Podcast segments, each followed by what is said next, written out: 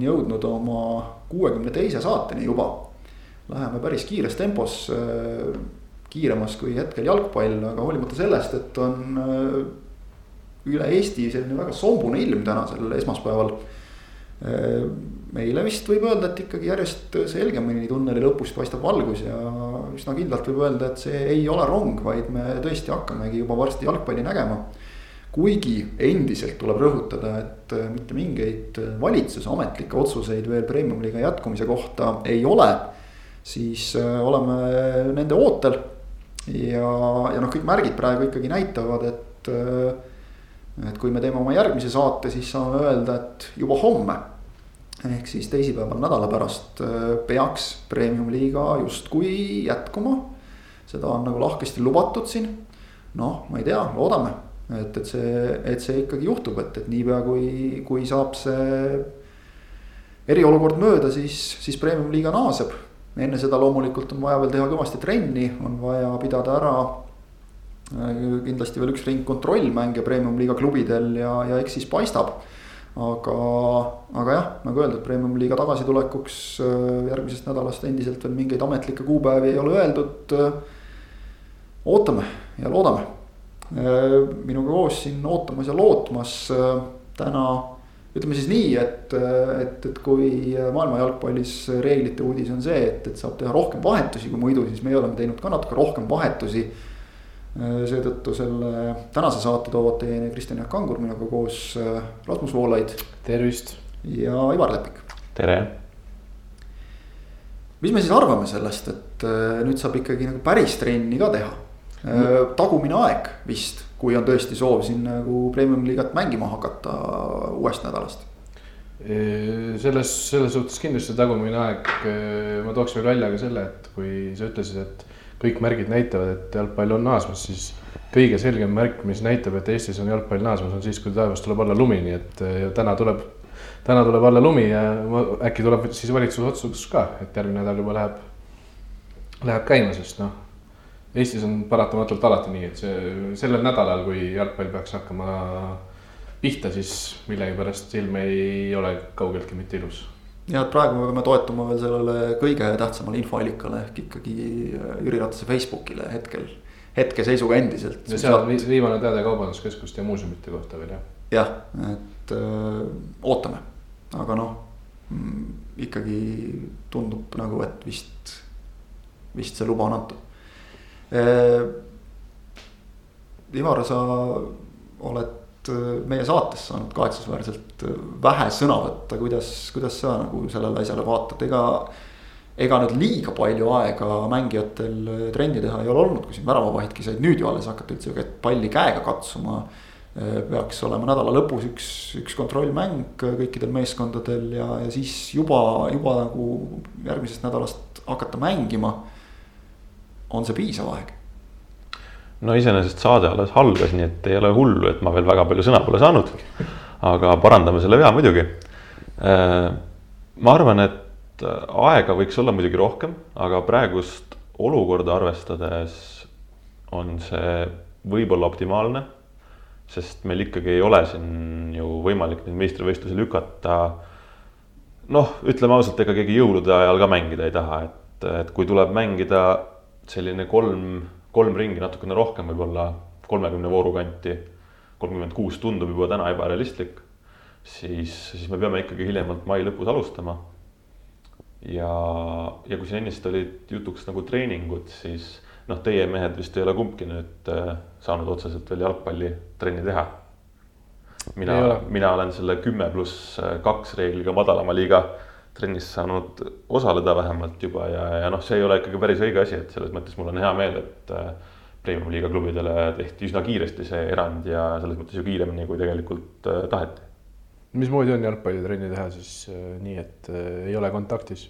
no oluliselt parem, kui üldse mitte meeskonnaga koos teha, ehk siis noh, hästi palju individuaalseid trille ja, ja tegelikult ju väga paljud neist hõlmavad juba automaatselt sellist kahemeetrist vahet, et ega tegelikult ainult mängulised olukorrad äh, trennides on, on sageli sellised, kus mängijad on üksteise otsas, nii et äh, ei, ei ole hullu, aga, aga noh, muidugi seda päris äh, füüsilist võitlust ja, ja selliseid asju ei ole, et äh, nagu stiilis siin Kaimar Saagil oli, oli vist probleeme põlvega.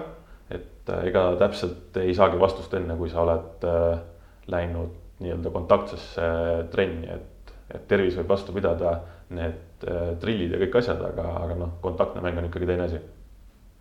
ja, ja noh, ka selle kontrollmängude seisukohast, et ühest küljest äh, ma saan aru, miks klubidel seda vaja on, teisest küljest oleks ju tegelikult ägedam, kui neid ei peetaks et hakkab kohe hooaega pihta.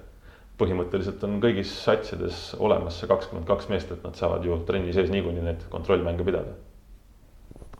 jah, aga noh, ilmselgelt ütleme, see on ka selline algselt juba ammu välja käidud lubadus, et, et, et vähemalt ühe, ühe kontrollmängu meeskonnad saavad ja, ja noh, eks. see on mõistlik jah, aga kas, kas seda otseselt vaja on? noh, ütleme jah, jalgpallur peab olema võimeline mängima, eks ole, igasuguses olukorras, et, et, et, et praegu on niikuinii selline leiutamine meie kõikide jaoks, et.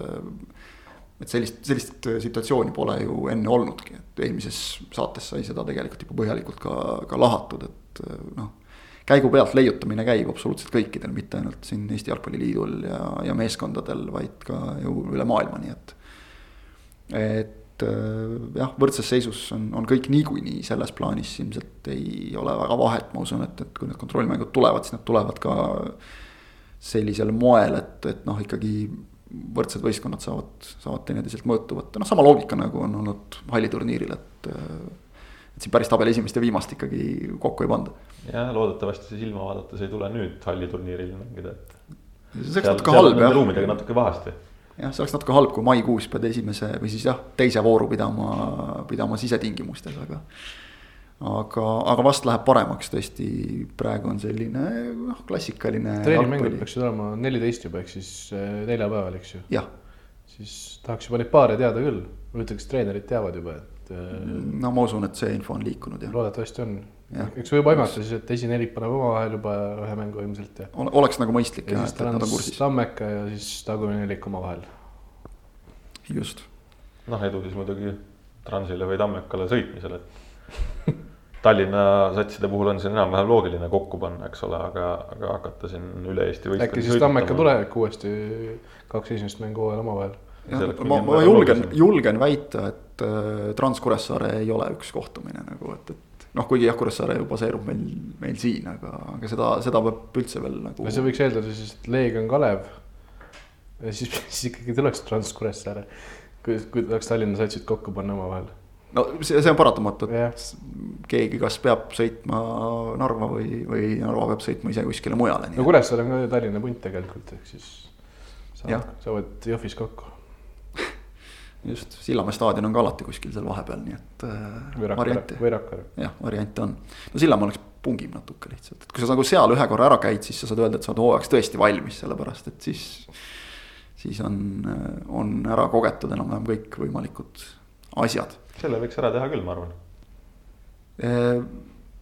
mis mulle endale nagu noh, kohati tundub, et, et see, mis seda naasmist veel puudutab, et, et ühtpidi on see nagu tore, et me tahame ja noh, tegelikult jalgpallil on, on praegu võimalus olla selles äh, eesmineja rollis. Äh, sest et eriti teised pallimängualad on ju, on ju praegu pausil, äh, jalgpall noh, peab oma ka peab tõesti, nagu sa ütlesid, Ivar, väga õigesti, peab oma hooaega jätkama, sest et noh, päris nagu vana-aasta õhtul vist või, või. või seal jõulude ajal keegi väga mängida ei taha. aga, aga noh, võib-olla see nädal siia-sinna, kui palju see mõjutaks kui anda meeskondadele veel nagu rohkem ettevalmistusaega natukene, siin mängijad on ju ka öelnud, et see. see esimene või noh, see tunnetus tuleb, pallitunnetus, kõik tuleb tagasi ju pigem on siin mainitud niimoodi kaks-kolm, kolm-neli nädalat. või on siin ikkagi see, et, et kõik tahavad kangesti ju juba, juba väljakule ja nagu öeldud, kõik on võrdses seisus. kuivõrd see kuivõrd see nagu, et me, et me siin alguses noh, ilmselgelt mingit väga suurt kvaliteeti ei näe, kui on, on see üldse mingi probleem? ma ei, ma ei tea, kui suur probleem see olla saab, et selles mõttes tegelikult äh, see pallitunnetus tulebki paari nädalaga, nii noh, suures plaanis, ma arvan. ja, ja noh, ega meil ei ole need märtsikuised mängud ka kunagi siin eh, hiilanud äh, just tehni-, tehnikaga, et me oleme harjunud võib-olla mingil määral sellist rabedat jalgpalli vaatama suures osas. Ja, ja noh, pigem ma näen, et see mängude kvaliteet võib siin juba juuni alguses olla, olla selline täitsa korralik, mida, mida tavaliselt võib-olla isegi hooaja siis ütleme, esimese ringi jooksul ei näe, et, et kui tegelikult on ka mängud väga tihedalt üksteise otsas ja, ja nii edasi. mis puudutab seda kiirustamise osa, siis noh jah, ühest küljest muidugi jalgpalli ei pea naasma, eks ole, et äh, see on, on, on mugavus ja, ja see on meelelahutus, et, et noh, see ei, ei, ei ole mingisugune kohustus. teisest küljest, kui me vaatame, mul oli siin au käia nädalavahetusel paaris ehituspoes näiteks ja noh, rääkimata toidupoodidest, siis inimeste käitumine on selline, et ammu oleks võinud jalgpalliga pihta hakata kui me nüüd räägime inimeste käitumisest, siis päris paljud on ka pahurad äh, just selle nende samade toidupoodide, ehituspoodide, kasvõi kirikute avamise näitel selle üle, et Premium liiga läheb käima ikkagi ilma publikuta. et noh, mulle isiklikult tundub see ikkagi nagu alguses mõistlik, sest et kui kui mingisugune jama sünnib, siis sellest jalgpallile kahju on ilmselt päris kõvasti ja noh, ütleme, sa võid ju tribüünil nagu isegi inimesed ära hajutada. mängule saabudes poolajal ikka tekib teatud probleem. tekib ikka. no just, et õllesabas noh, ei saa nagu öelda, et hoidke kaks meetrit vahet, seda vist pigem ei juhtu. kardetavasti, isegi kui jooned maha panna no siis muidugi lahendus oleks see, et õllesaba ei ole ja mängijad, need inimesed võivad tulla tribüünile enda söögi ja joogiga mis ka ei pruugi olla ilmtingimata hea lahendus, lihtsalt ilma siis. Ilma, ilma, ilma toitlustuseta ja ilma, noh, peaks saama hakkama küll kaks tundi. aga ma arvan jah, et see, kui ei oleks mängule, mängule saabumist ja lahkumist, oleks lihtsalt inimesed tribüünile ja siis kuidagi sealt niisama nad minema sealt saaks, siis oleks probleemi, eriti A Le Coq Arena'l, kus on võimalik ju panna hajutada. tuhat inimest ka niimoodi, et põhimõtteliselt pole arugi saada, et inimesed tribüünil oleks see on iseenesest huvitav küsimus, kui palju meil üldse oleks neid äh, pealtvaatajaid, sest noh, tegelikult ju fännlus kui selline on ikkagi ka sotsiaalne tegevus. ja, ja kui palju meil on reaalselt neid jalgpallihuvilisi, kes on valmis tulema siia istuma niimoodi, et tal on kahel pool kolm, kolm tühja tribüüni, pole kellegagi rääkida. vaatad niisama mängu. jah, see on küsimus jah.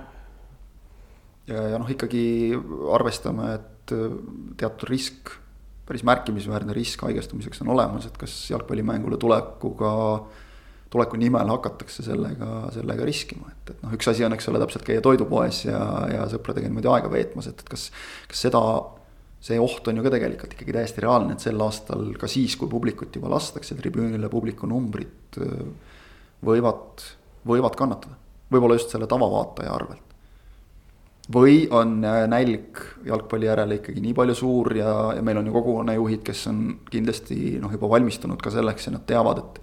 Et nende panus on, on selles olukorras väga suur, et, et me ei näe suurt kukkumist publiku see on, see on koht, kus saab võita kindlasti, ütleme õige tegevusega, kui nii-öelda see võetakse see tamm eest ära ja üritused on lubatud ja rahvas on oodatud tribüünidele, siis on koht, kus saada, on võimalik saada inimesed tribüünile, need inimesed, kes muidu jalgpalli vaatamas ei käiks. aga selleks on tõesti vaja tegutseda väga strateegiliselt õigesti, ma usun, et usun ja loodan, et kogukonnajuhid on koolitatud seda tegema. see tundub strateegiliselt ikkagi üpris keeruline, oleme ausad. inimestel on küll puudus meelelahutusest ja ma usun, et see äh, mingisugune tõus väljendub äh, ülekandevaate ja numbrites aga, aga hakata nüüd rääkima juttu, kuidas need inimesed tribüünile jõuavad, kes ei ole siin varem käinud, eriti praeguses olukorras. ma olen väga kahtleval seisukohal. see on, kõlab, kõlab nagu sellise toreda jutuna, et, et teeme nüüd kakskümmend protsenti juurde, aga, aga reaalsus on see et, et kakskümmend protsenti jätab tulemata, sest nad kardavad. võib-olla isegi nelikümmend jätab tulemata, sest nad kardavad, jah. ehk siis kokkuvõttes mingisugust tõusu oodata sellel hooajal pigem mitte. ei, see on tõsi muidugi, et see televaataja numbrid, numbrites võib see küll kasv välja paista, sest mina isegi eile, kuna ei ole ammu saanud mingit live-sporti vaadata, siis vaatasin F1 virtuaalset GP-d, mida Setanta üle kandis, kuidas Sergio Aguero, Aguero ja Thibaut Courtois ja, ja Artur Meelo oli ka veel Barca mängija seal, panid päris vormelisõitjate vahel. päris hästi panid Rasmus jagas mulle ka linki ja täitsa tore vaatamine oli vahelduseks selline na, natuke nagu spordimood. ja Courtois ja, ja Coero said seal vist täitsa viisakalt hakkama nagu. tabeli keskele tulid nemad jah, Meelo jäi sinna muidugi. No ta oli ikkagi vilets seal. ta oli vilets jah ta ei jäänud viimaseks, kuna üks katkestaja oli ka, ütleme niimoodi siis. saavutus seegi. üks noh, võib ikkagi täitsa julgelt pommuudiseks tituleerida selle, uudis tuli, tuli meil sel nädalal Premium liigast Levadia ridadest. Juri Tkatšuki aeg sai otsa Levadias noh, ootamatu, seda vist pole mõtet küsida, seda oli ta, ta, ta meile kõigile, kuigi noh, võib-olla natukene võis ju arutleda, et et, et see olukord mõnele klubile võib äh, paugu panna just nimelt, kes on, kes on eriti noh, esimesed, kelle kallale minnakse alati nii-öelda on välismängijad. kui, kui läheb mingiks palga alandamiseks või, või mingiks kärpimiseks ja.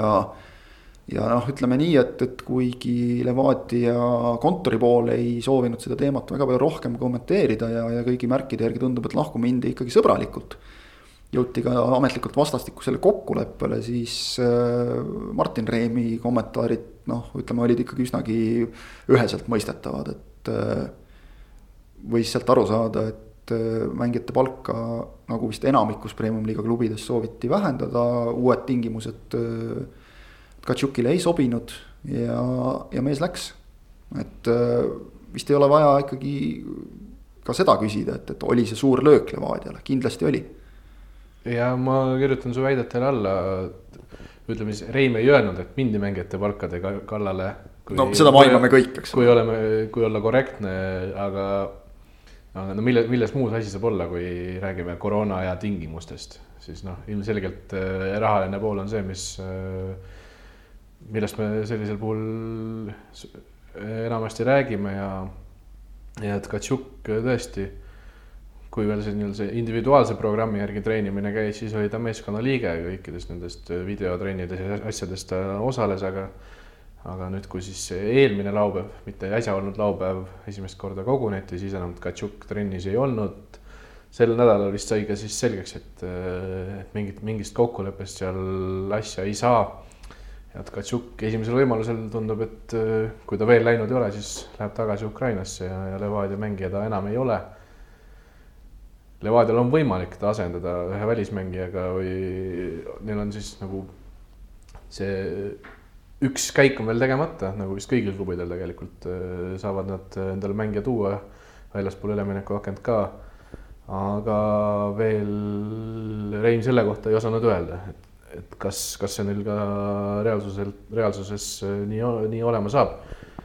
eelkõige vaatame siis Brent Lepistu ja, ja Rasmus Peetsoni otsa no see ongi päris räige pauk ju tegelikult Levadiale, et kui, kui nagu nimekirja vaadata, siis just sinna number äh, kaheksa koha peal, ütleme need alumised poolkaitsjad, äh, liikuvad poolkaitsjad ongi, ongi ainult Peetson ja Lepistunud alles, et äh, Zurahovskist ei ole me endiselt suurt midagi kuulnud ega näinud no nii ja... palju vist kuulsime ja nägime, et, et temast kuulda ja näha niipea midagi ei ole, et ja, ta ei ole registreeritud, eks ole, noh, see, see juba näitas ära, et kui teda ei registreeritud hooaja esimeseks pooleks, et selle mehe tagasitulek on ikka väga kaugel veel. Reim ütles ka konkreetselt, et äh, hooaja esimeses pooles kindlasti teda ei näe, ehk siis üle suvise ülemineku akna jooksul võib-olla regatakse ära. ehk siis lühidalt ongi nüüd ainult Peetson ja Lepistu seal valikus, et äh, Reimil siin mõtteainet kindlasti jagub.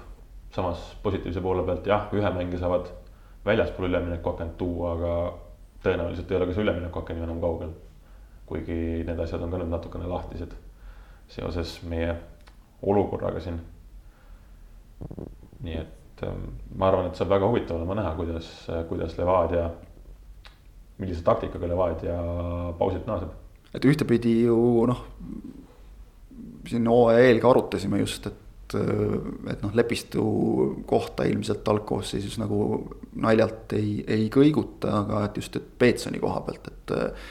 et kas ta mänguaega saab, kuidas temaga on, seda ta ilmselt nüüd saab, aga nüüd ongi just küsimus, nagu sa ütlesid, tagalas.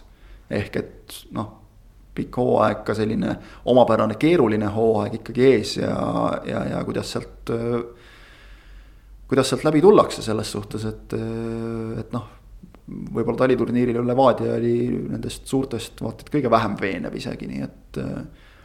et, et ega, ega Remi töö lihtne ei ole.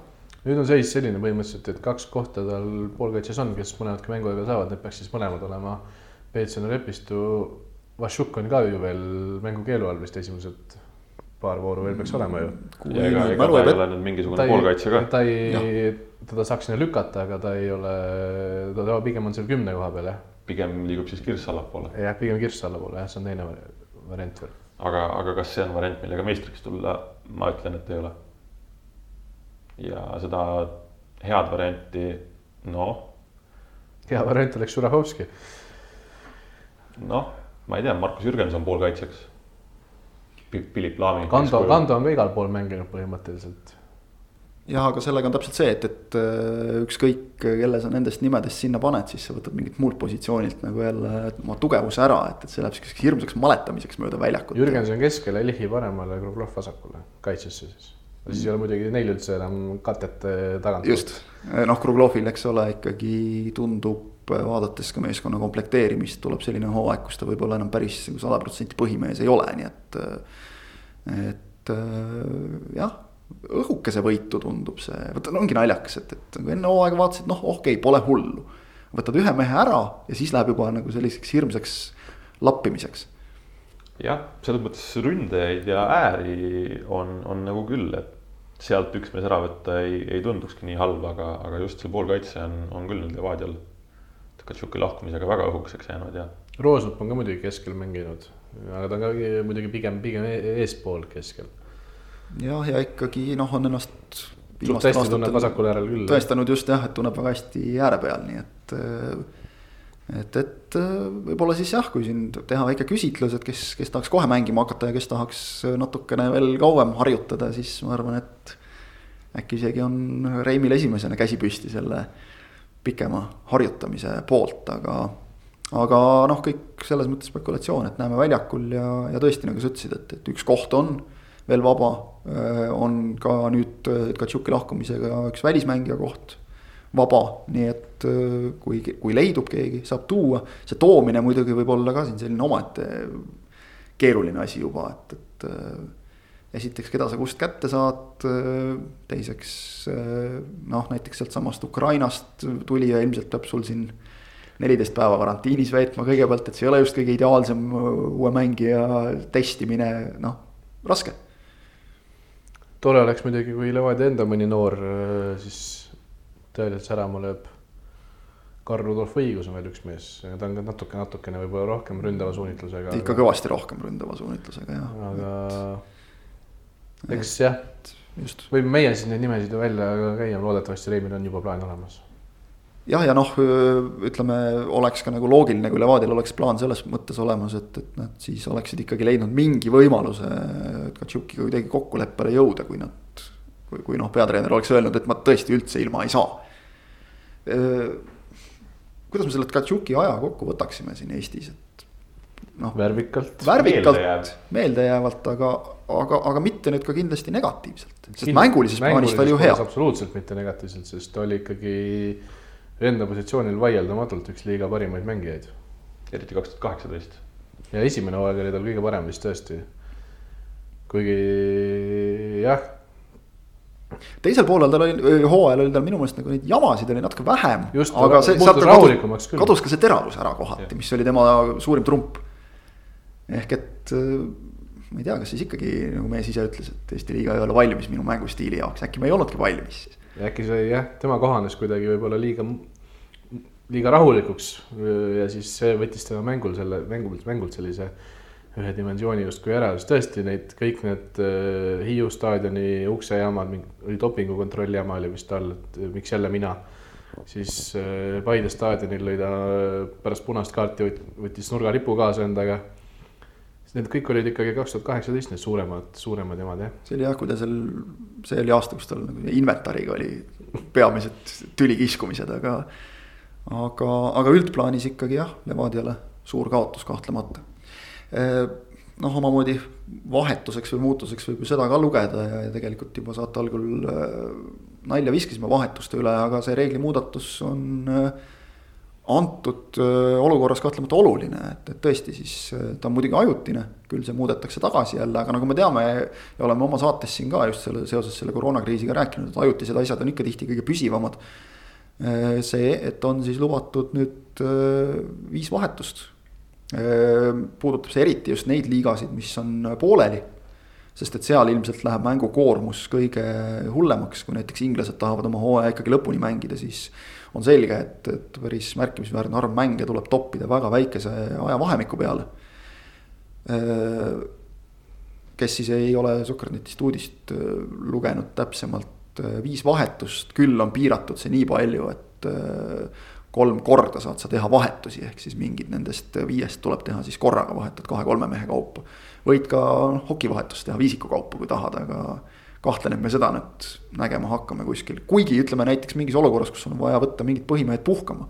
siis teoorias saaks selle ära teha, et, et oled neli-null ees ja, ja viimased viisteist minutit ja ja, ja, ja vahetad ära, noh, tegelikult me oleme ju maavõistlusmängudes neid asju näinud ka, kus on, on neid vahetusi lubatud rohkemgi kui viis. halliturniiril kahjuks ka. kahjuks ka halliturniiril jah. kommentaatorid suureks meelehärmiks on jah, seal, seal on veel lisandub see võlu, et äh, vahel ei ole särgid ja äh, särgid ja püksid samast komplektist ja vahel ei ole üks number õige, vahel pole kumbki number õige ja nii edasi. aga äh, miks see selles mõttes nagu mainimist väärib, on see, et praegu on antud signaal välja, et Eestis seda pigem ei hakata kasutama. noh, ametlikku otsust veel tehtud selle osas pole, aga kuidas tundub, kas äkki vähemalt mingi aja peaks ta olema. ta annab muidugi äh, selgelt jällegi eelise pikema pingiga meeskondadele, ehk et sealt võib nagu leida jälle sellist kohe väiksematele liiga tegemist. Mina olen ka võib-olla siis selles Kaido Koppeli parteis ehk äh, kes pole neid Sander Posti ja Koppeli arvamusi lugenud, siis Post oli nõus, et võiks, võiks küll Eestis olla.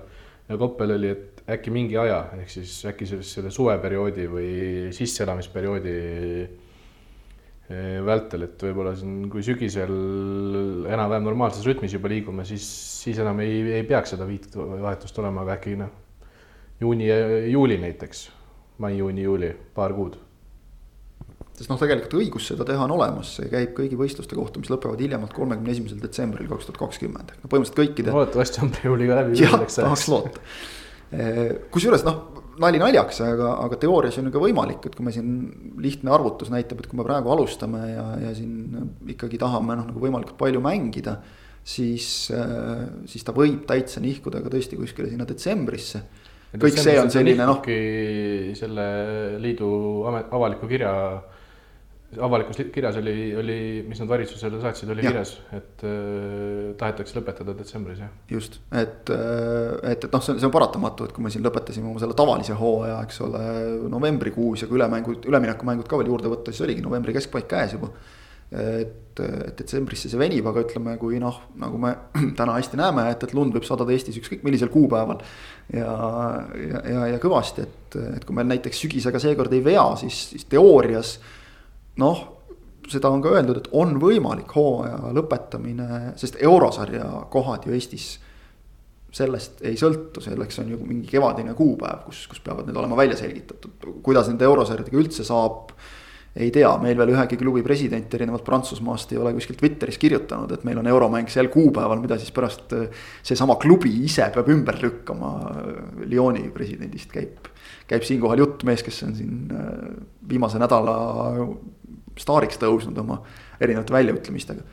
aga, aga jah, teoorias see variant on olemas, et äh, hooaja lõpp jääbki täiesti uude aastasse, loomulikult see on kaugel ideaalist, aga et vahepeal istume kuu või kaks ja. paneme, paneme saaliturniiri, halliturniiri ja, ja aastalõpukat. ma just mõtlesingi siis..., et paneks piiri, paneks, et aastalõputurniir ja Premiumi liiga ei kattu. oleks positiivne pigem jah. paneme näiteks sellise eesmärgi. aga Ivar, sinu seisukoht, Rasmus Endamaa ütles, kas, kas peaks seda äkki tõesti siis ütleme mingi suvise perioodini, saab ju teha näiteks ütleme esimesed kaks ringi, mida iganes. kasutama Eestis või? Ma arvan, et see küsimus ongi eelkõige, eelkõige siin treeneritele ja, ja klubidele endale, et noh, minu seisukohast ei, ei ole seda otseselt vaja. et ma, ma usun ka, et et äh, vaadates, kuidas meil vahetusi tehakse, siis äh, pigem ei ole see vajalik. ja, ja pigem ma tahaks eeldada, et meie kalender ka nüüd, kui me ikkagi detsembrini mängida tahame, siis see kalender ei tule selline, et iga kolme päeva tagant on mäng. No tegelikult seda ka rõhutas äh, Mihkel Uiboleht, kui, kui Sokkernetilt kommentaari küsis, et, äh, et meil tegelikult nagu kalendri tihedus ei muutu eriti. vähemalt esialgse plaani järgi. ja see viis vahetust on, on noh, muidugi ma saan aru, et äh, nüüd tahetaks teha sellisel kujul, kus, kus oleks neid seisakuid vähem. aga noh, madalamate liigade näitel on, on viis vahetust ilma piiravate seisanguteta on ikkagi väga tempot tappev. ja, ja ka mängurütmi tappev ja ka kvaliteeti tappev, et noh, selles suhtes mängu lõpud võivad niimoodi minna väga kaootiliseks. samas tõesti oleks võib-olla huvitav näha, kuidas äh, a la saadetakse viimaseks veerandtunniks platsile terve uus ründekolmik, et mehed, te olete nädal aega kokku mänginud, minge tehke nüüd väsinud kaitsjate vastu. jah, viimased viisteist minutit ja pange, eks ole, aga see on sul hea point, et esiliigast me oleme saanud ju vaadata seda, et, et kuidas ta kuidas ta mängule mõjub ja olen sinuga täiesti nõus, et tõesti teinekord mängu lõpul noh, see vahetuste virvarr, see tapab ikka täiesti ära. Äh, on ju see klassika, et noh, mängijal läheb aega platsil kohanemiseks ja tempo läheb alla ja, ja kõik, kõik need äh, muud jutud. kõik on õige äh,.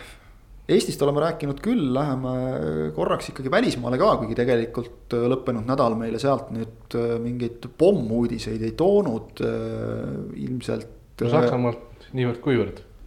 noh, niivõrd-kuivõrd jah, et, et, äh, et lootus nagu oli, et sakslased mängima saavad hakata ja sakslased saavad mängima hakata. tundub äh, natuke uskumatu. tundub natukene jah, kuidagi nagu üldpildis, aga, aga nagu noh. päriselt või? jah, et, et kohe lähebki nii, sest noh, me ju oleme ka saates rääkinud ja lootnud, et et, et nad saavad oma asjad korda, aga kogu aeg on see käinud see jutt ka selle klausliga, et juhul kui mingit jama ei juhtu ja noh, ütleme siin tuleb Salomon Kaluu. Salomon Kaluu sugused jah, pooletoobised on nagu üritanud ka kõike teha, et, et, et jama juhtuks. aga vist, vist läks õnneks, vist. ega, ega ma olen ka selles mõttes nagu sinuga samas paadis, et kuniks ma, mis see esimene mäng oligi vist Dortmund ja. paigas esimene. jah et, et see oli vist esimene mäng kohe, eks ole. jah, jah. meil on Soccereti kalendris ka juba kirjas mängud. no vot. kaks kuud ei olnud mitte ühtegi mängu seal kalendris, aga nüüd. jah, nüüd on mingid värvid sinna ilmunud. jah ja..., Dortmund Schalke on esimese, esimese portsu kõige huvitavam ilmselt jah. ei ole paha algus, ütleme niimoodi. jah, seal ongi enamik, enamik mänge samal kellaajal, aga noh, see ilmselt tõmbab kogu tähelepanu, et, et väga kummaline derbi tuleb kindlasti selles suhtes, et publikute ju no.. et äh, kogu see noh, on nagu derbi, ei ole kõva mäng, aga kogu see atmosfäär, see, mis teeb derbist derbi, see on nagu ära võetud. eriti Dortmundi kodumäng veel. just. no loodame, et tuleb jah, sest ega ju tegelikult olid ka sakslased äh, seal märtsi keskel viimased, kes alla andsid, et äh, meil vist kuulutati neljapäeval see eriolukord välja, samas sakslased veel kas laupäeval lootsid, et nemad mängivad jalgpalli edasi, kuigi kõik muu oli juba pausile pandud see oli just nii, et nad laupäeva hommikul nagu veel lootsid enam-vähem ja siis ikkagi tuli ja. see, et, et ei saa. et enne kui meeskonnad on lahtilöögiks valmis, enne ei julge küll midagi siin lubada, et äh, kui hästi läheb kuue päeva pärast, umbes täpselt on pall mängus. kui ei lähe, siis noh, siis vaatame Fääri saarte liigat edasi. jah, ei no siin ju Nikita Baranovgi saab, saab rääkida teistele koondislastele, mis tunne on nagu päriselt jalgpalli mängida, et et, et asjad on, on, on siin-seal hakanud vaikselt ikkagi, ikkagi juhtuma ja, ja noh. Branov nüüd ongi vist esimene eestlane ikkagi, kes üle Sints Joonas Tamm viimati mängis. Mets ju ei saanud mängida üldse. tal oli jah, jälle hea illustreeriv näide just kakskümmend neli tundi enne mängu algust olid kõik jumala kindlad, et läheb mänguks ja, ja kas isegi mitte mängupäeva hommikul, et, et noh. kõik oli nagu selge, et läheb mänguks ja siis öeldi ei nii et, äh, et siin tõesti ärme siis ka hõiskame. jah, ja see oli ju, see oli ju ligi, ligi kuu aega tagasi ja nüüd tänasel päeval me oleme Eestis ja Saksamaal mitu nädalat lähemal kui Rootsis, nii et äh, ei, ei julge midagi loota. jah, pluss noh, see oleks ka olnud äh, kontrollmäng, nii et äh, ikkagi pole nagu sihuke õige asi veel. Eestis me oleme siis jah tegelikult mõne päeva kaugusel võib öelda esimestest mängudest juba, kui me räägime nendest kontrollkohtumistest, nii et. Kui et, oleme. jah, kui, kui oleme. Need saavad ka huvitavad olema just, just selles plaanis. Kindlasti see ei olnud Eestis suurim probleem.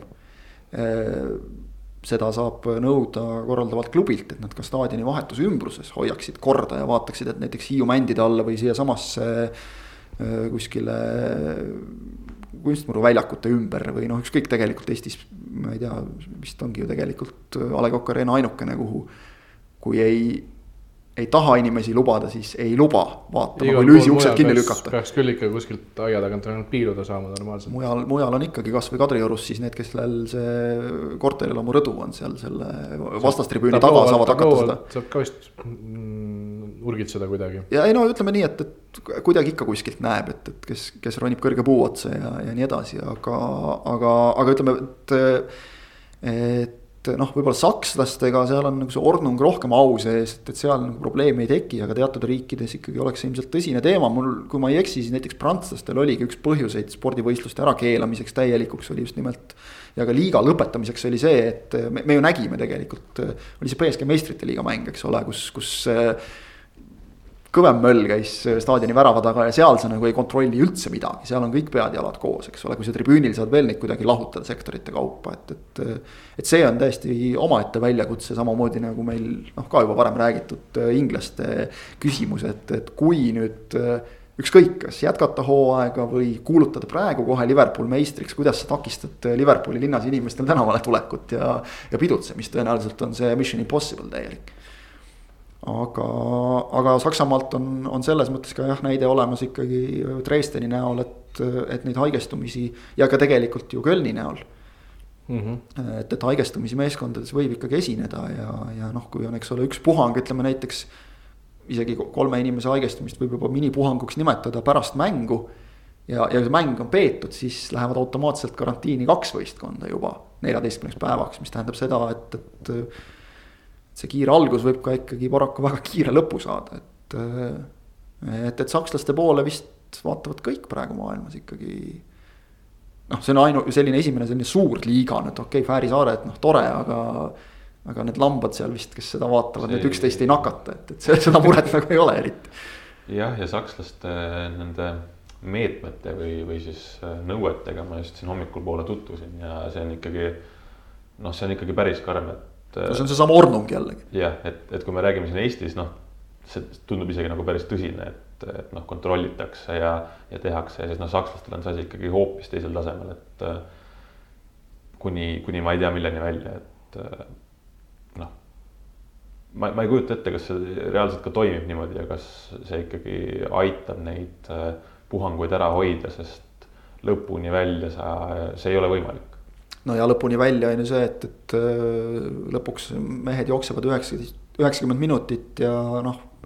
otse välja öeldes äh, higi ja tatti lendab, nii et äh, vahel lendab verdki, nii et, et selles mõttes noh. nagu ära nullida seda ei saa.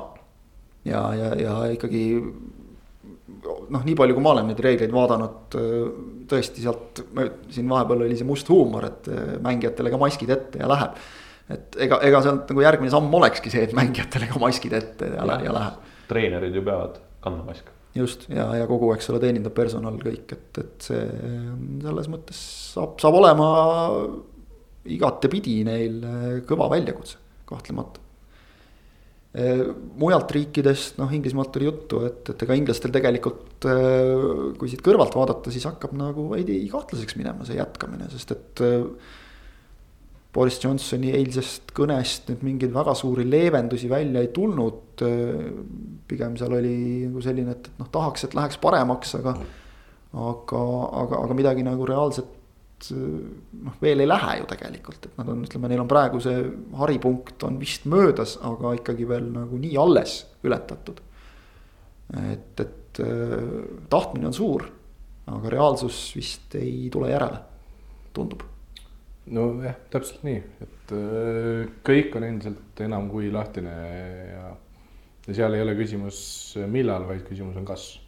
sest noh, ühel hetkel lihtsalt on selge, et ei ole võimalik neid pressida sinna sellesse vahemikku ära, mis lõpeb siis UEFA poolt paika pandud tärminiga, milleks peab olema. selle ajani, mis äh, UEFA nüüd andis nädalapäevad tagasi, vist on paar nädalat veel aega otsustamiseks, siis on vist nagu kõik selge, vähemalt kas-küsimusele oleme vastuse saanud see oli vist kakskümmend neli mai või, või midagi sellist, millal peab. sinnakanti jah. millal peab ütlema? mai lõpp ehk noh, jah, ja siis tuleb see kuidas küsimus ehk kes kelle vastu kohtusse läheb ja kes liigasse püsima jääb, kes välja kukub ja, ja kõik need jutud.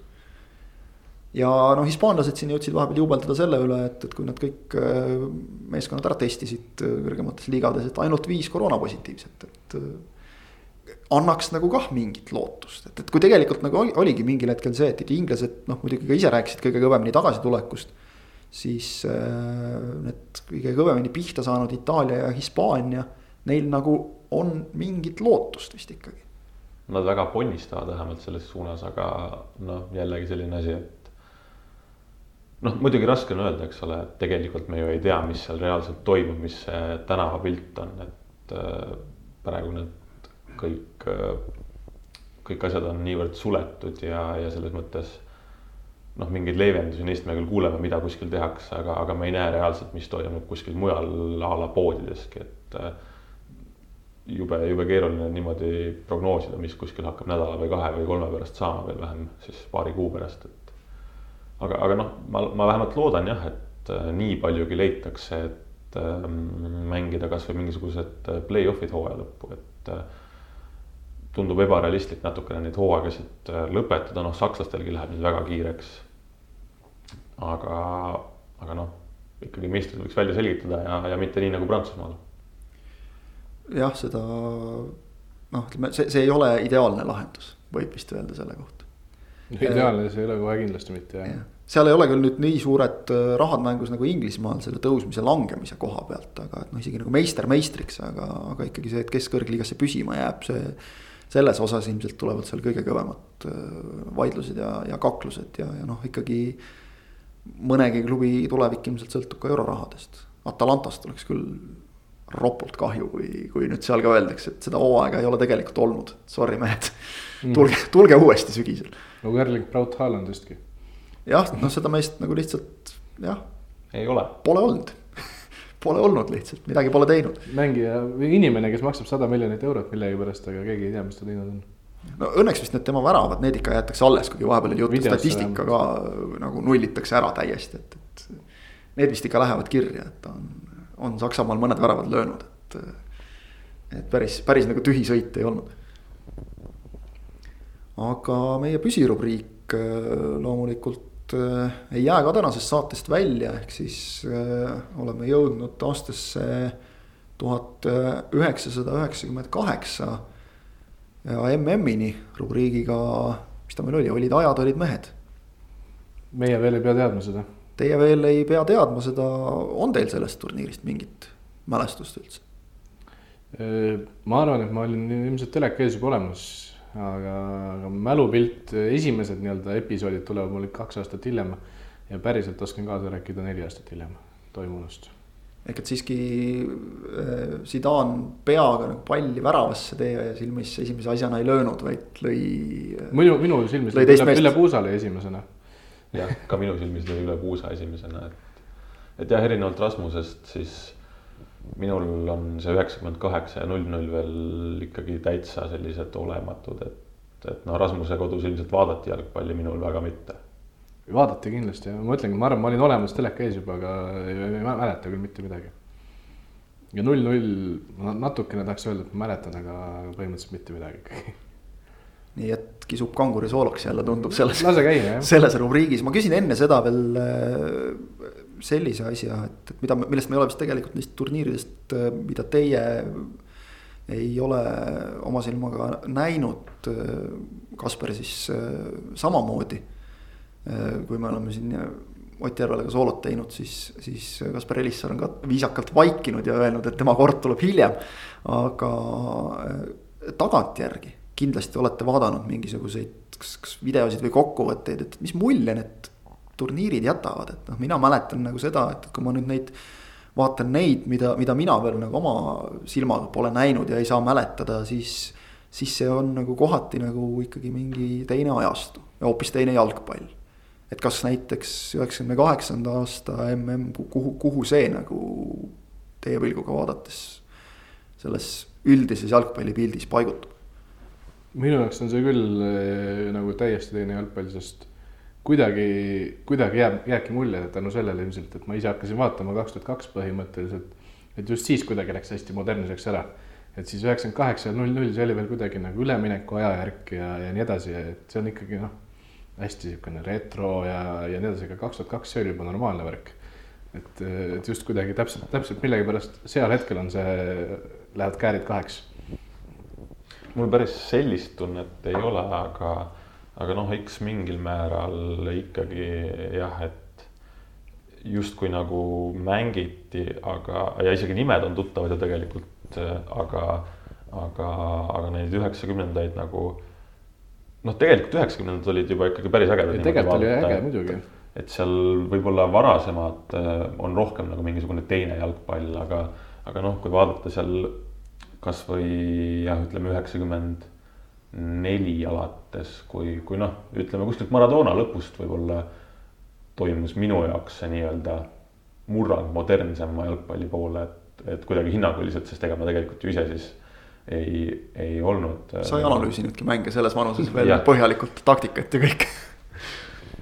aga jah, kuskilt sealt üheksakümnendate keskelt või, või esimesest poolest, et, et justkui nagu moodne jalgpall mingil määral, kuigi noh, ega tegelikult ka see kui Rasmus tuli kaks tuhat kaks välja, siis kaks tuhat kaks ja kaks tuhat kaheksateist on ka juba iseenesest täiesti erinevad loomad. Mis on seda huvitavam, et öö, äh, oleme siin eelmistes saadetes rääkinud, kuidas noh, just tohutult palju muutis see tagasisöödureegli kaotamine ja, ja kõik sellised asjad, mäng läks kiiremaks, voolavamaks väravate rohkemaks igatepidi, aga. see, see vist oligi kuskil üheksakümne, üheksakümmend äkki oligi. See oli üheksakümmend, noh, rääkinud sellest, üheksakümmend kaks oli minu meelest EM oli viimane, kus oli lubatud ja üheksakümmend neli MM-il enam mitte. Või oli üheksakümmend neli, üheksakümmend kuus isegi, aga emba-kumba jah. siin, siin. üheksakümmend kaks jah. üheksakümmend kaks, üheksakümmend neli, okei. Okay.. et noh, siis kaotati see tagasisõidureegel ära, tekkis meistrite liiga, tekkis Premier League, justkui on selline nagu tegelikult ju väga paljudes kohtades ka lähtutakse, noh, statistika, mis mulle endale üldse ei meeldi, aga Premier League'i parimad väravalööjad stiilis, et. ja meistrite liiga ka sama. jah, et, et ikkagi nagu tasub meenutada ka kaugemat ajalugu jah, aga, aga noh, ilmselt seal on. see soodustab meid veidikene nagu jah, kuidagi tänu sellele me, meie ajastu. meil on see lihtsam, ma ütleks, meiesugustele vendale, kes nagu hakkasid kaheksakümnendate lõpus mäletavad ainult seda üheksakümnendat, ma ütlen kangurisugused, kes mäletavad ka kaheksakümnendaid. Ma usun, et sul on nagu palju keerulisem, sellepärast et noh, et Premier League, aga ma ju mäletan ka neid varasemaid vendi hästi ja nii edasi.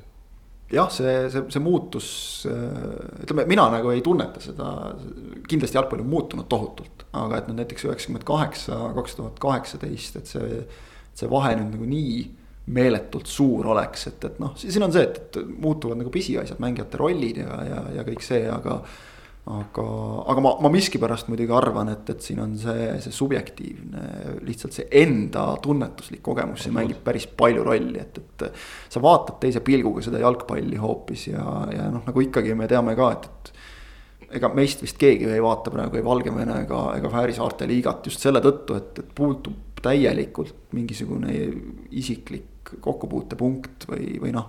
mina näiteks ei suuda jalgpalli vaadata, kui ma ei suuda olla emma-kumma meeskonna poolt aga selleni me tegelikult äh, jõuame ka veel selle, selle turniiri äh, jooksul, äh, kui nüüd mitte hakata siin neid alagruppe järjest läbi lappama, vaid, vaid vaadata tõesti ainult meeldejäävamaid asju, siis, siis mul isiklikult on meeles. kui, kui paljud mäletavad, ma usun seda, mismoodi, mismoodi hispaanlased viimases alagrupi mängus lõid Bulgaariale väravaid ja nutsid võitsid lõpuks kuus-üks. aga kuna samal ajal Paraguay oli teises mängus Nigeeria vastu selgelt ees. Nigeerial oli selleks ajaks juba edasipääs tagatud. siis hispaanlased lihtsalt, see on küll, ma usun, klipp, mida te olete ka näinud ja mida paljud on näinud, kes kes on otsinud üheksakümne kaheksanda aasta MM-ist midagi, hispaanlased lõid lihtsalt viimastel minutitel pisarsilmil väravaid, sest nad teadsid, et nad võivad lüüa kuus kuusteist, kuuskümmend, mitte miski ei, ei päästa sellest neid, et nad sõidavad koju. süüdi oli Hispaania selles täielikult ise, sellepärast et, et, et nad kõigepealt esimeses mängus kaotasid Nigeeriale. kaks-kolm, Antoni Subizarreta nende legendaarse väravavahi väga jämedast prohmakast, kui ta tõrjus terava nurga alt tulnud löögi enda väravasse. ja, ja noh, Nigeeria oli oli, oli sel ajal see meeskond, kelle puhul eeldati, et nemad on nüüd need, kes selle kauaoodatud Aafrika suure tõusu ja tuleku noh, ka selles mõttes nagu teoks teevad, et, et teevad MM-il mingi vägeva tulemuse. nagu teame ette rutates, ei teinud, ei ole teinud siiamaani keegi. Ghana oli, mis see värava lati paksus on meil selle lati kaugusel, Asamoah Gyan'i penaltist ei ole siiamaani jõudnud ükski Aafrika koondis äh, poolfinaali ja ausalt öeldes tundub vaata, et viimastel turniiridel on pigem isegi mingi tagasiminek olnud selles osas. on küll jah. Ja, ja Nigeeria oli sihuke hästi äge sats sellel turniiril ja, ja selles mõttes oli ka vahva näha, et nad edasi läksid sealt, aga jah, Hispaania tegi Paraguay'ga null-null ja. ja siis, äh, siis oligi nii, et, et kui Paraguay lõi äh, nigeerlastele nagu statistika näitab tegelikult siin või protokoll näitab, et esimesel minutil lõid juba esimese ära ja, ja, ja tegelikult kindlustasid, kindlustasid võidu juba, juba üsnagi selgelt. Teisel poolajal siis, siis hispaanlastel midagi teha ei olnudki rohkem, see oli tegelikult kõva meeskond neil kõikide oma Raulide ja, ja, ja Morientestega, aga aga, aga, aga jäid paremaid aegu ootama, see, see oli see aeg, kui hispaanlastel oli veel see legendaarne suurturniiridel täielikult põru ja maine. mille nad siis hiljem kuhjaga muidugi tasa, tasa tegid. see on ka võib-olla huvitav äh, muutus justkui nagu kahekümne aastaga, et äh, noh, hispaanlased, eks ole, nutsid seal suhteliselt avalikult, ma ei mäleta, et sakslased kaks tuhat kaheksateist või hispaanlased kaks tuhat neliteist oleksid nagu nii pettunud olnud selles, et nad alagrupist koju sõitsid jah, eks noh, Nigeeria, Paraguay, Hispaania, Bulgaaria, noh, seal ei ole nagu küsimust, et, et Hispaania pidi sellest grupist edasi minema, et see oli šokk kahtlemata, nad läksid suurte lootustega ja.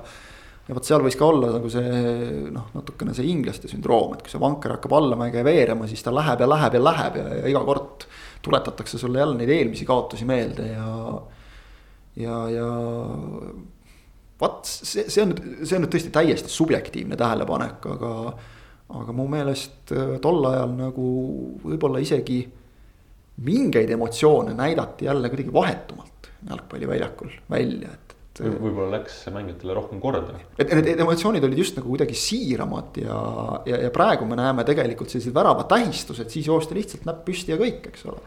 aga, aga need praegused väravatähistused, noh, nad on kuidagi, nad on läbimõeldud, nad on kavandatud. see on toode jah, just, see on väga õige sõna just, et see on toode ja, ja samamoodi võib-olla need koondised on ka nagu natuke rohkem tootelaadsed, et. Et siis tõesti oli see, et, et sa mängisid Hispaania eest ja see, et, et ma vedasin kogu oma rahvast alt, noh, Subisarreta kangelasest põrmu põhimõtteliselt langemine selle ühe tõrje tõttu, see oli tõesti õnnetu juhus ja. ja keegi ei kahelnud selles, et ta on, on suurepärane väravavaht, aga, aga pleki see talle jättis. ma vaatasin praegu, et no võrdluseks siis Hispaania kaks tuhat neliteist, no neil oli ka kolm turniirivõitu järje, järjest all. ja see grupp, kus nad välja langesid, no ei kannata väga võrdlust ka eh, tolle üheksakümne kaheksanda aasta grupiga, kus oli Nigeeria, Paraguay, Bulgaaria. siis seekord nad ju jäid alla Hollandile ja Tšiilile. ehk siis no tegelikult neil oli üks suur pidigi langema. okei okay,, see Holland oligi piinlik, eks ole, see pakk saada neilt, aga, aga noh jah. ja, ja, ja ikkagi muidugi oled... see, et äh, nad, nad said juba esimeses voorus pakki ja nad olid viimast vooru olidki juba välja langenud. Ja seal nad langesid nii-öelda väljaku peal võideldes või noh ja kui see on nagu nii-öelda mingi ühe põlvkonna teekonna lõpp, eks ole, siis seda on oluliselt lihtsam seedida, mõtled jälle nendele EM-tiitlitele ja MM-tiitlile ja, ja noh. ei ole hullu poisid, eks ole, aga et, et kui sa oled, noh, see käis ikka au pihta hispaanlastel sel ajal aga teine draama oli äh,, oli võib-olla natukene, mis jäi natukene isegi varju äh,. noh, kuna Marokoga ilmselt me siin Eestis ei oska väga paljud meist suhestuda üleliia palju. siis äh, A-grupis äh, Maroko läks viimasele mängule vastuseisus, kus äh, Maroko ja Šotimaa mõlemal oli üks punkt. Nad teadsid, et kes selle mängu võidab, on edasi juhul, kui teises kohtumises Norra ei alista Brasiiliat Brasiilial oli kaks võitu kirjas, edasipääs olemas ja noh, ikkagi eeldati, et see Brasiilia, kus, kus ikkagi noh, see oli, see oli jätkuvalt ülivõimas meeskond. Tafarel väravas, Cafu, Roberto Carlos äärekaitsjatena. Ronaldo rünnakul, Bebeto, Rivaldo, Tunga kaptenina, noh, siin võibki jääda neid nimesid ette lugema, see on selline allstar meeskond suhteliselt.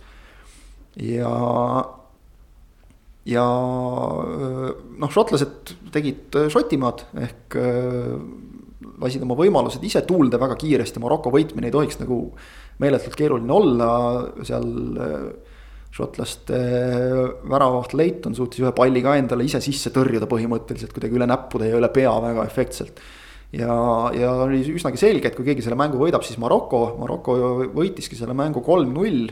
aga siis said nad teada, et äh, Brasiilia, kes oli läinud seitsmekümne kaheksandal minutil teises kohtumises samal ajal ette, üks-null. ja siis tundus tõesti, et nüüd on kõik selge.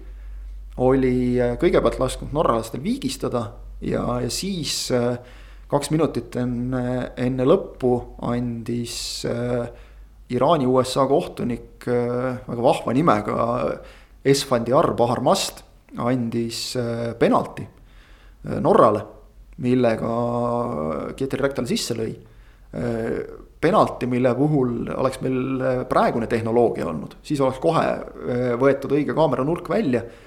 Baharmast on pärast meenutanud, et Äh, et see on hea tõestus, tema silmis oli see hea tõestus, et mingit varri ei ole vajagi, sest hea kohtunik näeb ära kõik asjad, ka need, mida ei näe kuusteist kaamerat. ütles paar vastu ühes intervjuus, kuusteist kaamerat sellel mängul oli ja mitte ükski kaamera ei püüdnud kinni seda, et tõepoolest äh, brasiiliaste kaitsja tõmbas äh, Durandre Flood särgist. kuid senderdus tuli karistusalasse Flo pea peale. Bahar Mast nägi selle ära, andis penalti, järgmisel päeval tuli kuskilt äh, värava tagant mingi fotograafi või kellegi kaamerast tuli, tuli välja klipp. kus on selgelt see särgist tõmbamine näha, telekaameratesse see ei jäänud mingil põhjusel. ja kakskümmend neli tundi oli Pohar Mast maailma kõige halvem kohtunik. ja siis sealt edasi oli ta maailma parim kohtunik, sest ta nägi ära selle, mida ei näinud keegi teine aga tõesti, Maroko siis ka sellisel dramaatilisel moel, Maroko, kes tegelikult äh, kandideeris selle MM-i korraldajaks ja ei jäänud prantslastele äh, üldse mitte väga suurelt alla, hääled läksid esimeses ringis kaksteist seitse. muidugi pärast äh, oli ka palju juttu sellest, kes kelle ukse taha kohvrirahaga viis ja nii edasi, aga. aga see selleks. Ega alagrupi mängudest tegelikult nüüd noh, meeletult palju rääkida ei ole, nägime Zidani esituses punast kaarti, mis tol ajal tundus veel vägagi selline haruldane asi, et kuidas Zidani niisugune suur mängija lubab endale lihtsalt seda, et ta Saudi araablasele peale astub. hiljem saime teada, et juhtub parimatelgi ja mitte ühe korra. ülejäänud noh, sealt kui jätame kõrvale sellise poliitiliselt väga laetud mängu nagu USA-Iraan, mis tegelikult lõpuks väga palju ei otsustanud. Mille ümber oli, oli tol ajal nagu väga palju, väga palju lärmi ja millest noh, minagi olen nagu, mille tähtsusest eriti iraanlastele.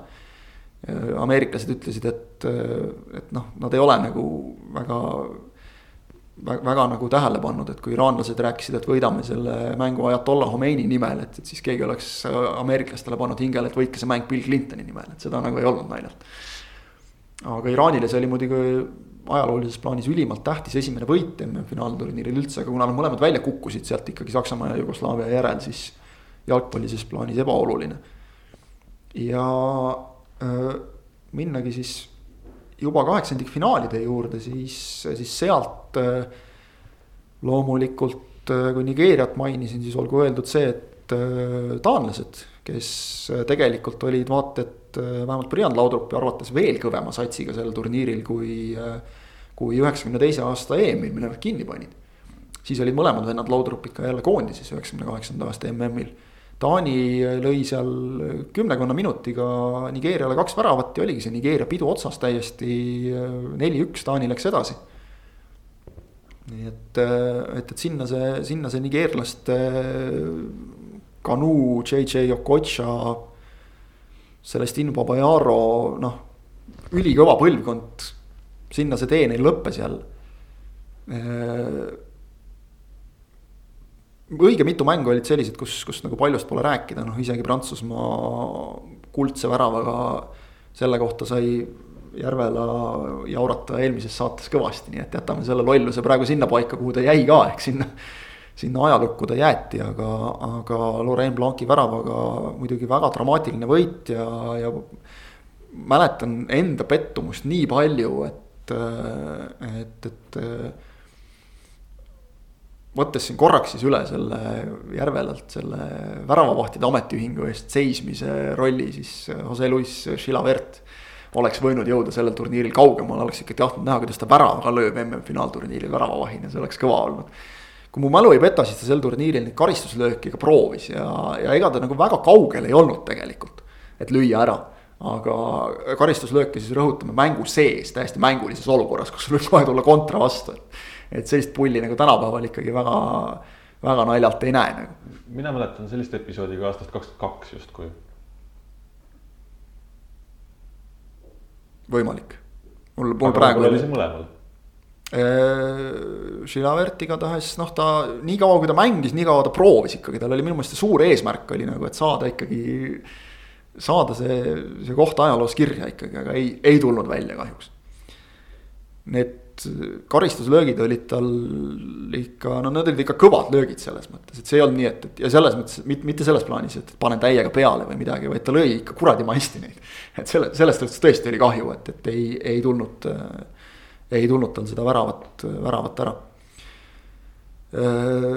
ja loomulikult Äh, kuidagi õnnestus siis äh, graafikul sättida see kõige vingem kaheksandikfinaal kõige viimaseks ehk legendaarne Argentiina-Inglismaa. see on nüüd ikkagi täielik äh, jalgpalliklassika. millalgi siin hiljuti vaatasin meeldetuletuseks. kaheksandikust räägid vist, kaheksandikfinaalist. kaheksandikfinaalist, just.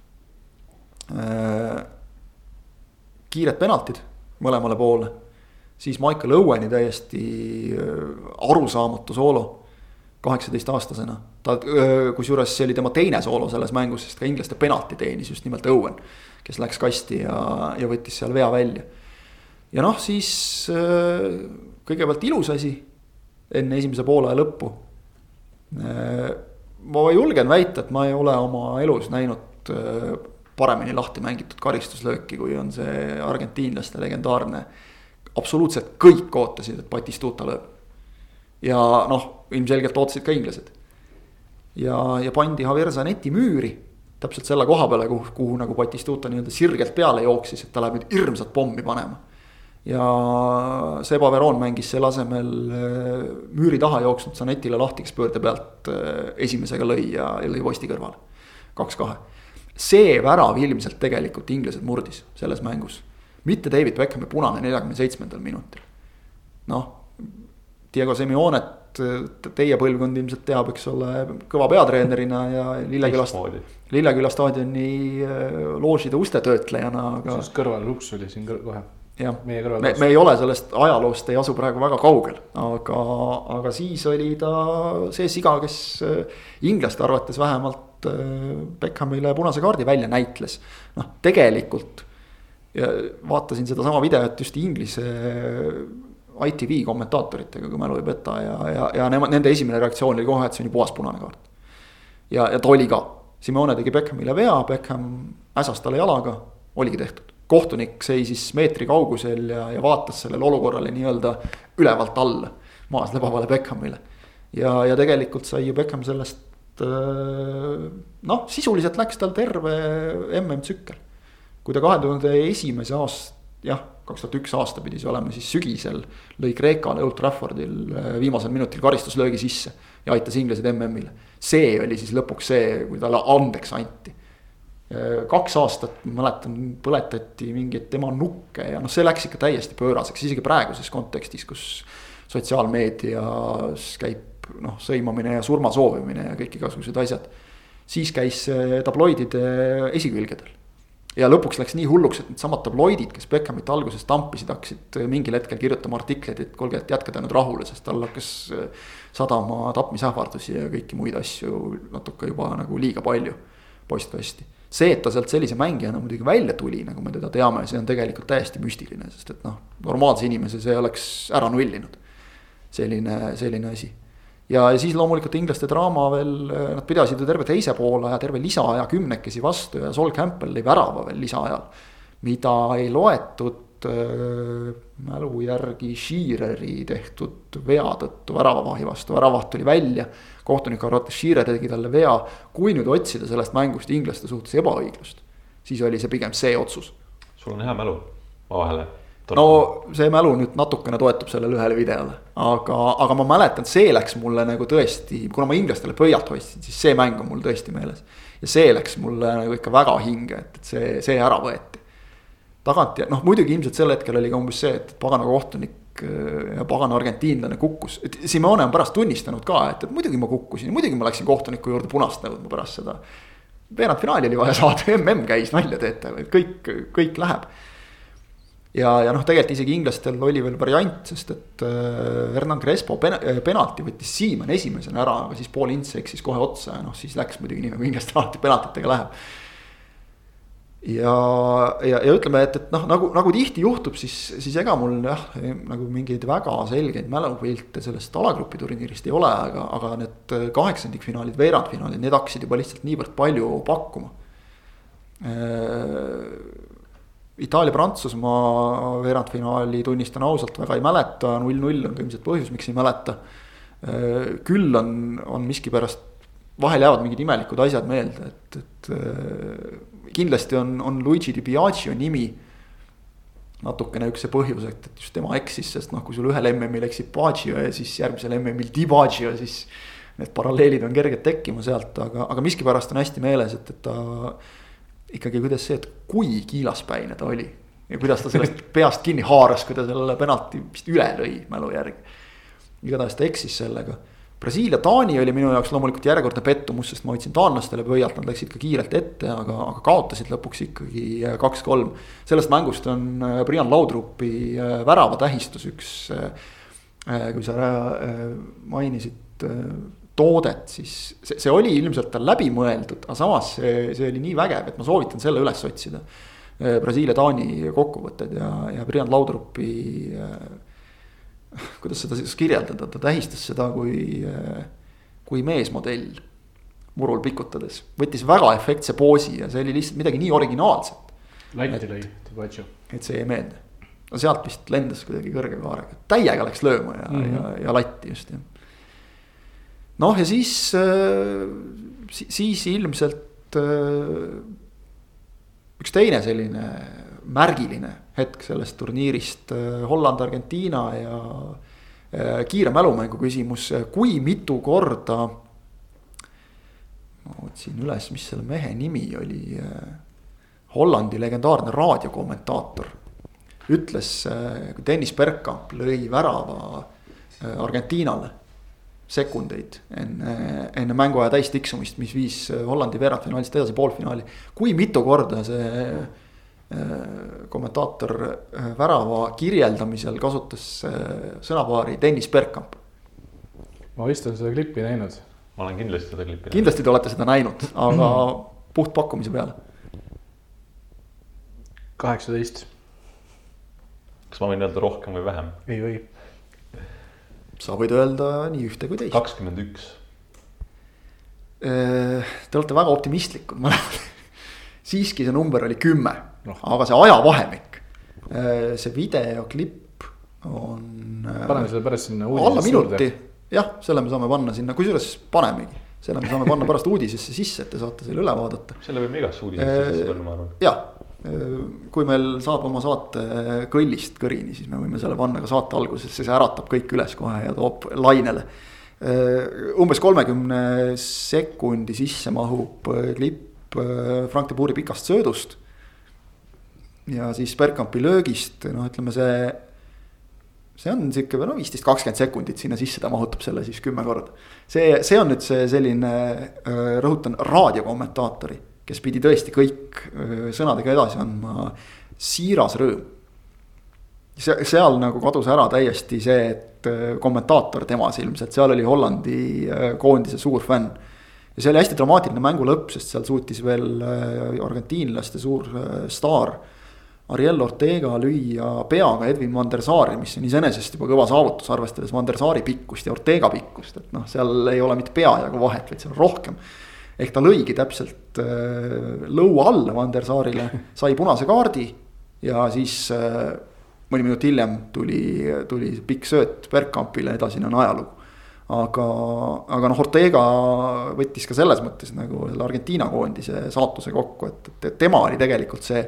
noh, sel ajal loomulikult uus Maradona ja uus staar, kellelt loodeti äh, liidriks olemist. ja, ja Argentiina jälle tiitlini viimist, aga selle asemel põhimõtteliselt tema lollus. kukutas äh, argentiinlased välja turniirilt. ja siis üks riikidest oli eelmises juba üheksakümne kuuenda aasta turniiris, turniiri, turniirist rääkides juttu Horvaatia, kelle jaoks oli esimene mm. ja, ja kes, kes siis nagu tõstis pead, see, et nad nii kaugele läksid, see ei olnud nüüd niivõrd äh, ebatavaline alagrupist edasi oli nagu loogiline minna, et nad alistasid äh, Rumeenia, see oli ka loogiline, aga, aga see, et nad siis sakslased kolm-null out'i lõid. okei okay,, Saksamaa mängis esimese poole lõpust juba, juba kümnekesi. aga, aga noh, vaadata ka seda tõesti seda koondist. Äh, Slaven Bilicit, Davor Šukerit, kõik, kõik sellised mehed. sakslased olid siis ju valitsevad Euroopa meistrid ka. jah ja, ja sakslastel noh, kui vaatad ka Matthaus, Kohler, Haamann, Jeremis, Hässler, Bierhoff, Klinsmann. Saksamaa oli tegelikult pääsenud Mehhiko vastu juba üsna napilt, nad olid eh, Mehhiko vastu pikalt kaotusseisus ja siis Klinsmann oli vist see, kes võiduvärava lõi, et. et, et noh, oli isegi mõnes mõttes oli see nagu loogiline, aga, aga huvitaval kombel ma mäletan, et mina nagu paljud hoidsid Horvaatiale pöialt juba, et noh, ka väike riik nagu meie, siis ma ei tea, kas nad olid Eestit selles, nendes valiksarjades niivõrd valusalt ja suurelt peksnud, et mina küll ei osanud nende poolt olla, et, et ma ei ole ka sakslaste poolt mitte kunagi olnud ja noh, ilmselt ei hakka olema ka, aga. aga, aga jättis see Horvaatia jättis mind kuidagi nagu selles plaanis natukene, natukene külmaks. kaks tuhat kaheksateist ka veel või? noh, kaks tuhat kaheksateist ütleme nii, et, et külmemaks kui mõnda teist jah ma, ma olen nagu ise ka mõelnud, miks see nii on, et noh, loogika nagu ütleb, et, et peaks neile nagu pöialt hoidma, ütleme Balkani rahvastest ja, ja ka nagu jalgpallikoondistest on nad alati olnud sümpaatsemad. ütle noh, Sloveenia võib-olla kõrval, eks ole, aga, aga noh, et Serbia on nagu alati olnud selline, et, et kui te tappa saate, mul küll kahju ei ole, minu jaoks. Aga, aga Horvaatia on noh, pigem jah, selline neutraalne, finaalis muidugi jah, Prantsusmaa vastu ma olin, olin Horvaatia poolt selgelt, noh juba kasvõi seetõttu, et et outsider ja noh, prantslastel üht koma teist on ka, et, et Horvaatial see on tõenäoliselt eluvõimalus, eks ole. Äh, aga, aga poolfinaalid äh, noh, üldse kuidagi järjekordne pettumus. Hollandile hoidsin seal pöialt. Äh, Patrick Laivert suutis neile selle mängu päästa, lisaaja päästa, siis lõpuks ikkagi penaltitega saadi jälle pähe. ja, ja teises, teises poolfinaalis no ütleme, see, see on ikka skill ja saavutus omaette, et kui sa oled löönud, mänginud koondises neliteist aastat. mänginud koondises sada nelikümmend kaks mängu, löönud kaks väravat. ja need kaks väravat sa oled kodusel MM-finaalturniiril mõlemad samas mängus, poolfinaalis.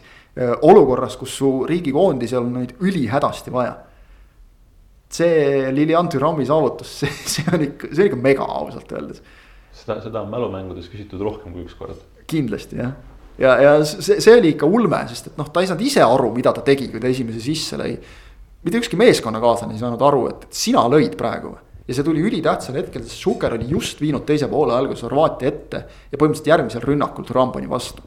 ja siis pani teise veel ja noh, oli tehtud, kuigi tegelikult Prantsusmaa mängis seal viimased viisteist minti äh, äh,. mängis kümnekesi ja, ja järjekordne selline noh, ütleme praegu varjeajastul oleks ilmselt Laurent Blanc saanud äh, MM-finaalis kaasa teha.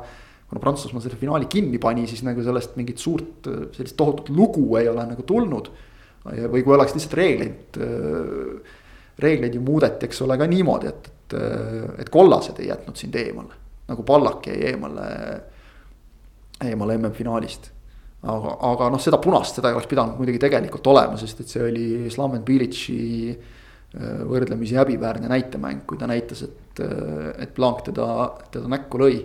noh, tegelikult ei löönud. pihta ta sai käega, aga lööki mingit sellist seal ei olnud, aga pettis kohtuniku ära ja, ja Blanc vaatas tribüünilt seda finaali, nii et polnudki midagi teha. kolmanda koha mängu muidu ei mainiks, aga noh, selle üle oli, oli isegi küll kuidagi hea meel, et kui see Horvaatia noh, midagi peab saama, et, et las nad võtavad selle kolmanda koha, siis Hollandil oli niikuinii üks kama kaks sellest nagu, Horvaatia jaoks oli tähtis ja, ja noh, Šukeri jaoks oli ka tähtis, ta lõi seal ka värava jälle ja. ja sai oma, oma selle, selle tiitli nagu ka kätte. aga, aga finaal. Ma nagu mäletan, et ma finaali vaatasin kuskil või, või ei saanud nagu korralikult vaadata, et ma nägin seda kuidagi jupiti. ja, ja, ja, ja noh, finaali puhul on muidugi see igavene saladus, et, mis selle Ronaldoga juhtus siis ikkagi. Seda ei tea vist siiamaani keegi ja ma ei ole kindel, kas ta isegi teab selles suhtes, et, et tal ilmselt unes tuli mingi haigushoog peale.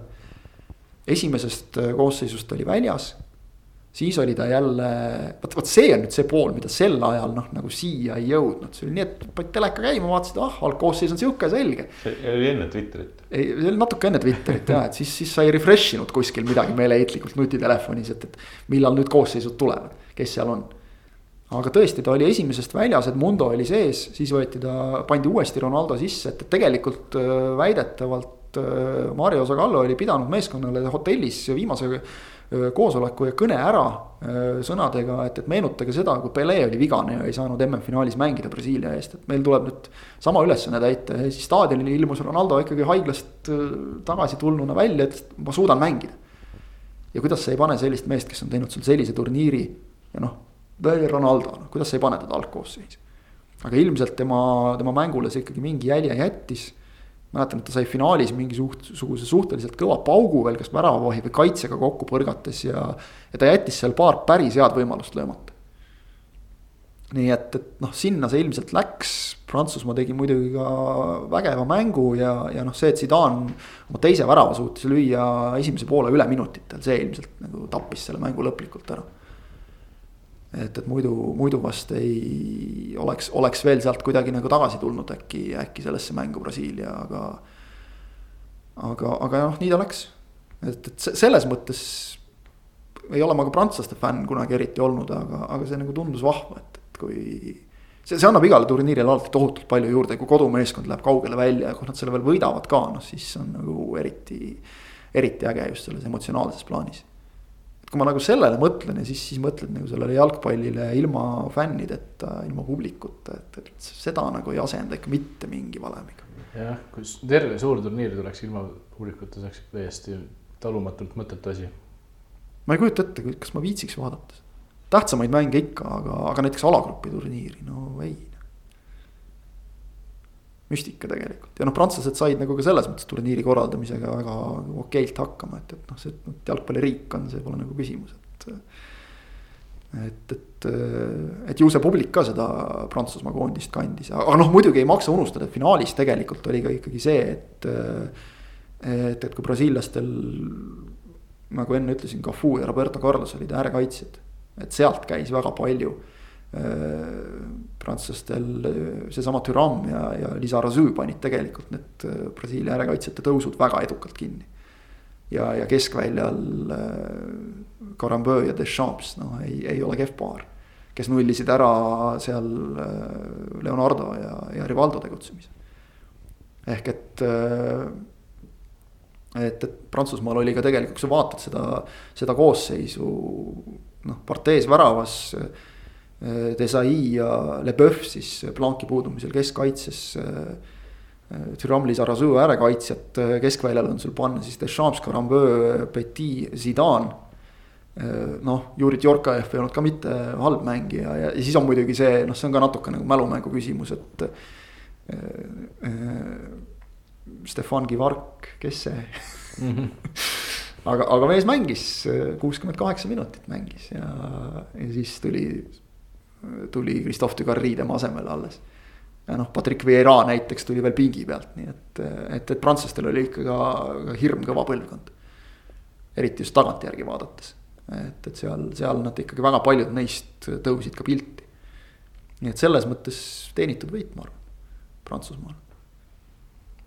jah, kahju, et äh, Brasiiliaga või noh, siis Ronaldoga nii läks nagu läks, aga see jääb nagu alati varjutama natukene seda, et no jah, teadagi sellepärast võitsite. aga võib-olla ongi jalgpalli folkloor selle võrra rikkam, nii et. kindlasti jah. Sellised... alati ei selgu parim väljakul. just, et sellised lood ju tegelikult äh, kujundavadki. jah, just, mitte see tingimata, et üheksakümmend minti mängitakse ühed ühele poole, teised teisele poole, vaid. vaid, vaid just, just need lood ja, ja, ja noh, jah, Zidani need, okei okay,, need kaks väravat ikkagi lõpuks tegid tast selle selle staari sel hetkel. okei okay,, ta oli Prantsusmaa liider muidugi juba siis, aga. aga nagu, nagu te ütlesite ka, et, et äh, kõik need ülepuusalöögid ja. Materatsiga kraaklemised, need tulid ju kõik alles palju hiljem, nii et, äh, et, et siis ta ilmselt just, vot on mingid hetked, kus üks mingi mängija tõuseb noh, nagu nendest tavaliste jalgpallifännide teadvusest kuskile kõrgemale ja, ja noh. kui sa MM-finaalis kaks tükki lööd, siis üldiselt on see päris hea lihtne tee nagu teha ennast päris kuulsaks. No minu jaoks oli praegu üllatus, et need olidki ta turniiri ainsad, ma seda ei teadnudki. et äh, ma. ei olnud ka päris nagu halvasti valitud hetk, eks. ma mõtlesin ka, et üheksakümmend kaheksa ja Zidane, aga see tähendaski finaali ainult no väravate osas siis. just, äh, ega midagi, me võime oma tänasele saatele, mulle tundub, äh, joone alla tõmmata, on räägitud küllalt. Äh, tasapisi hakkame jõudma juba sinna, kus teil on ka sõnaõigust selles rubriigis. see on kahtlemata positiivne ja tasapisi hakkame jõudma ka sinna, kus hakkame jalgpalli nägema, nii et hoidke kindlasti Soker.net.ee-l silma peal kui ka tuleb vähe ametlikumatesse kanalitesse uudiseid, siis, siis toome need ka kindlasti teieni, kui see asi päris kindlaks saab, et. Et ikkagi tõesti juba nädala pärast premium-liigat näeme, praegu on täpselt nagu Ivar enne ütles, nii lähedal nii, nii kaugel ikka veel.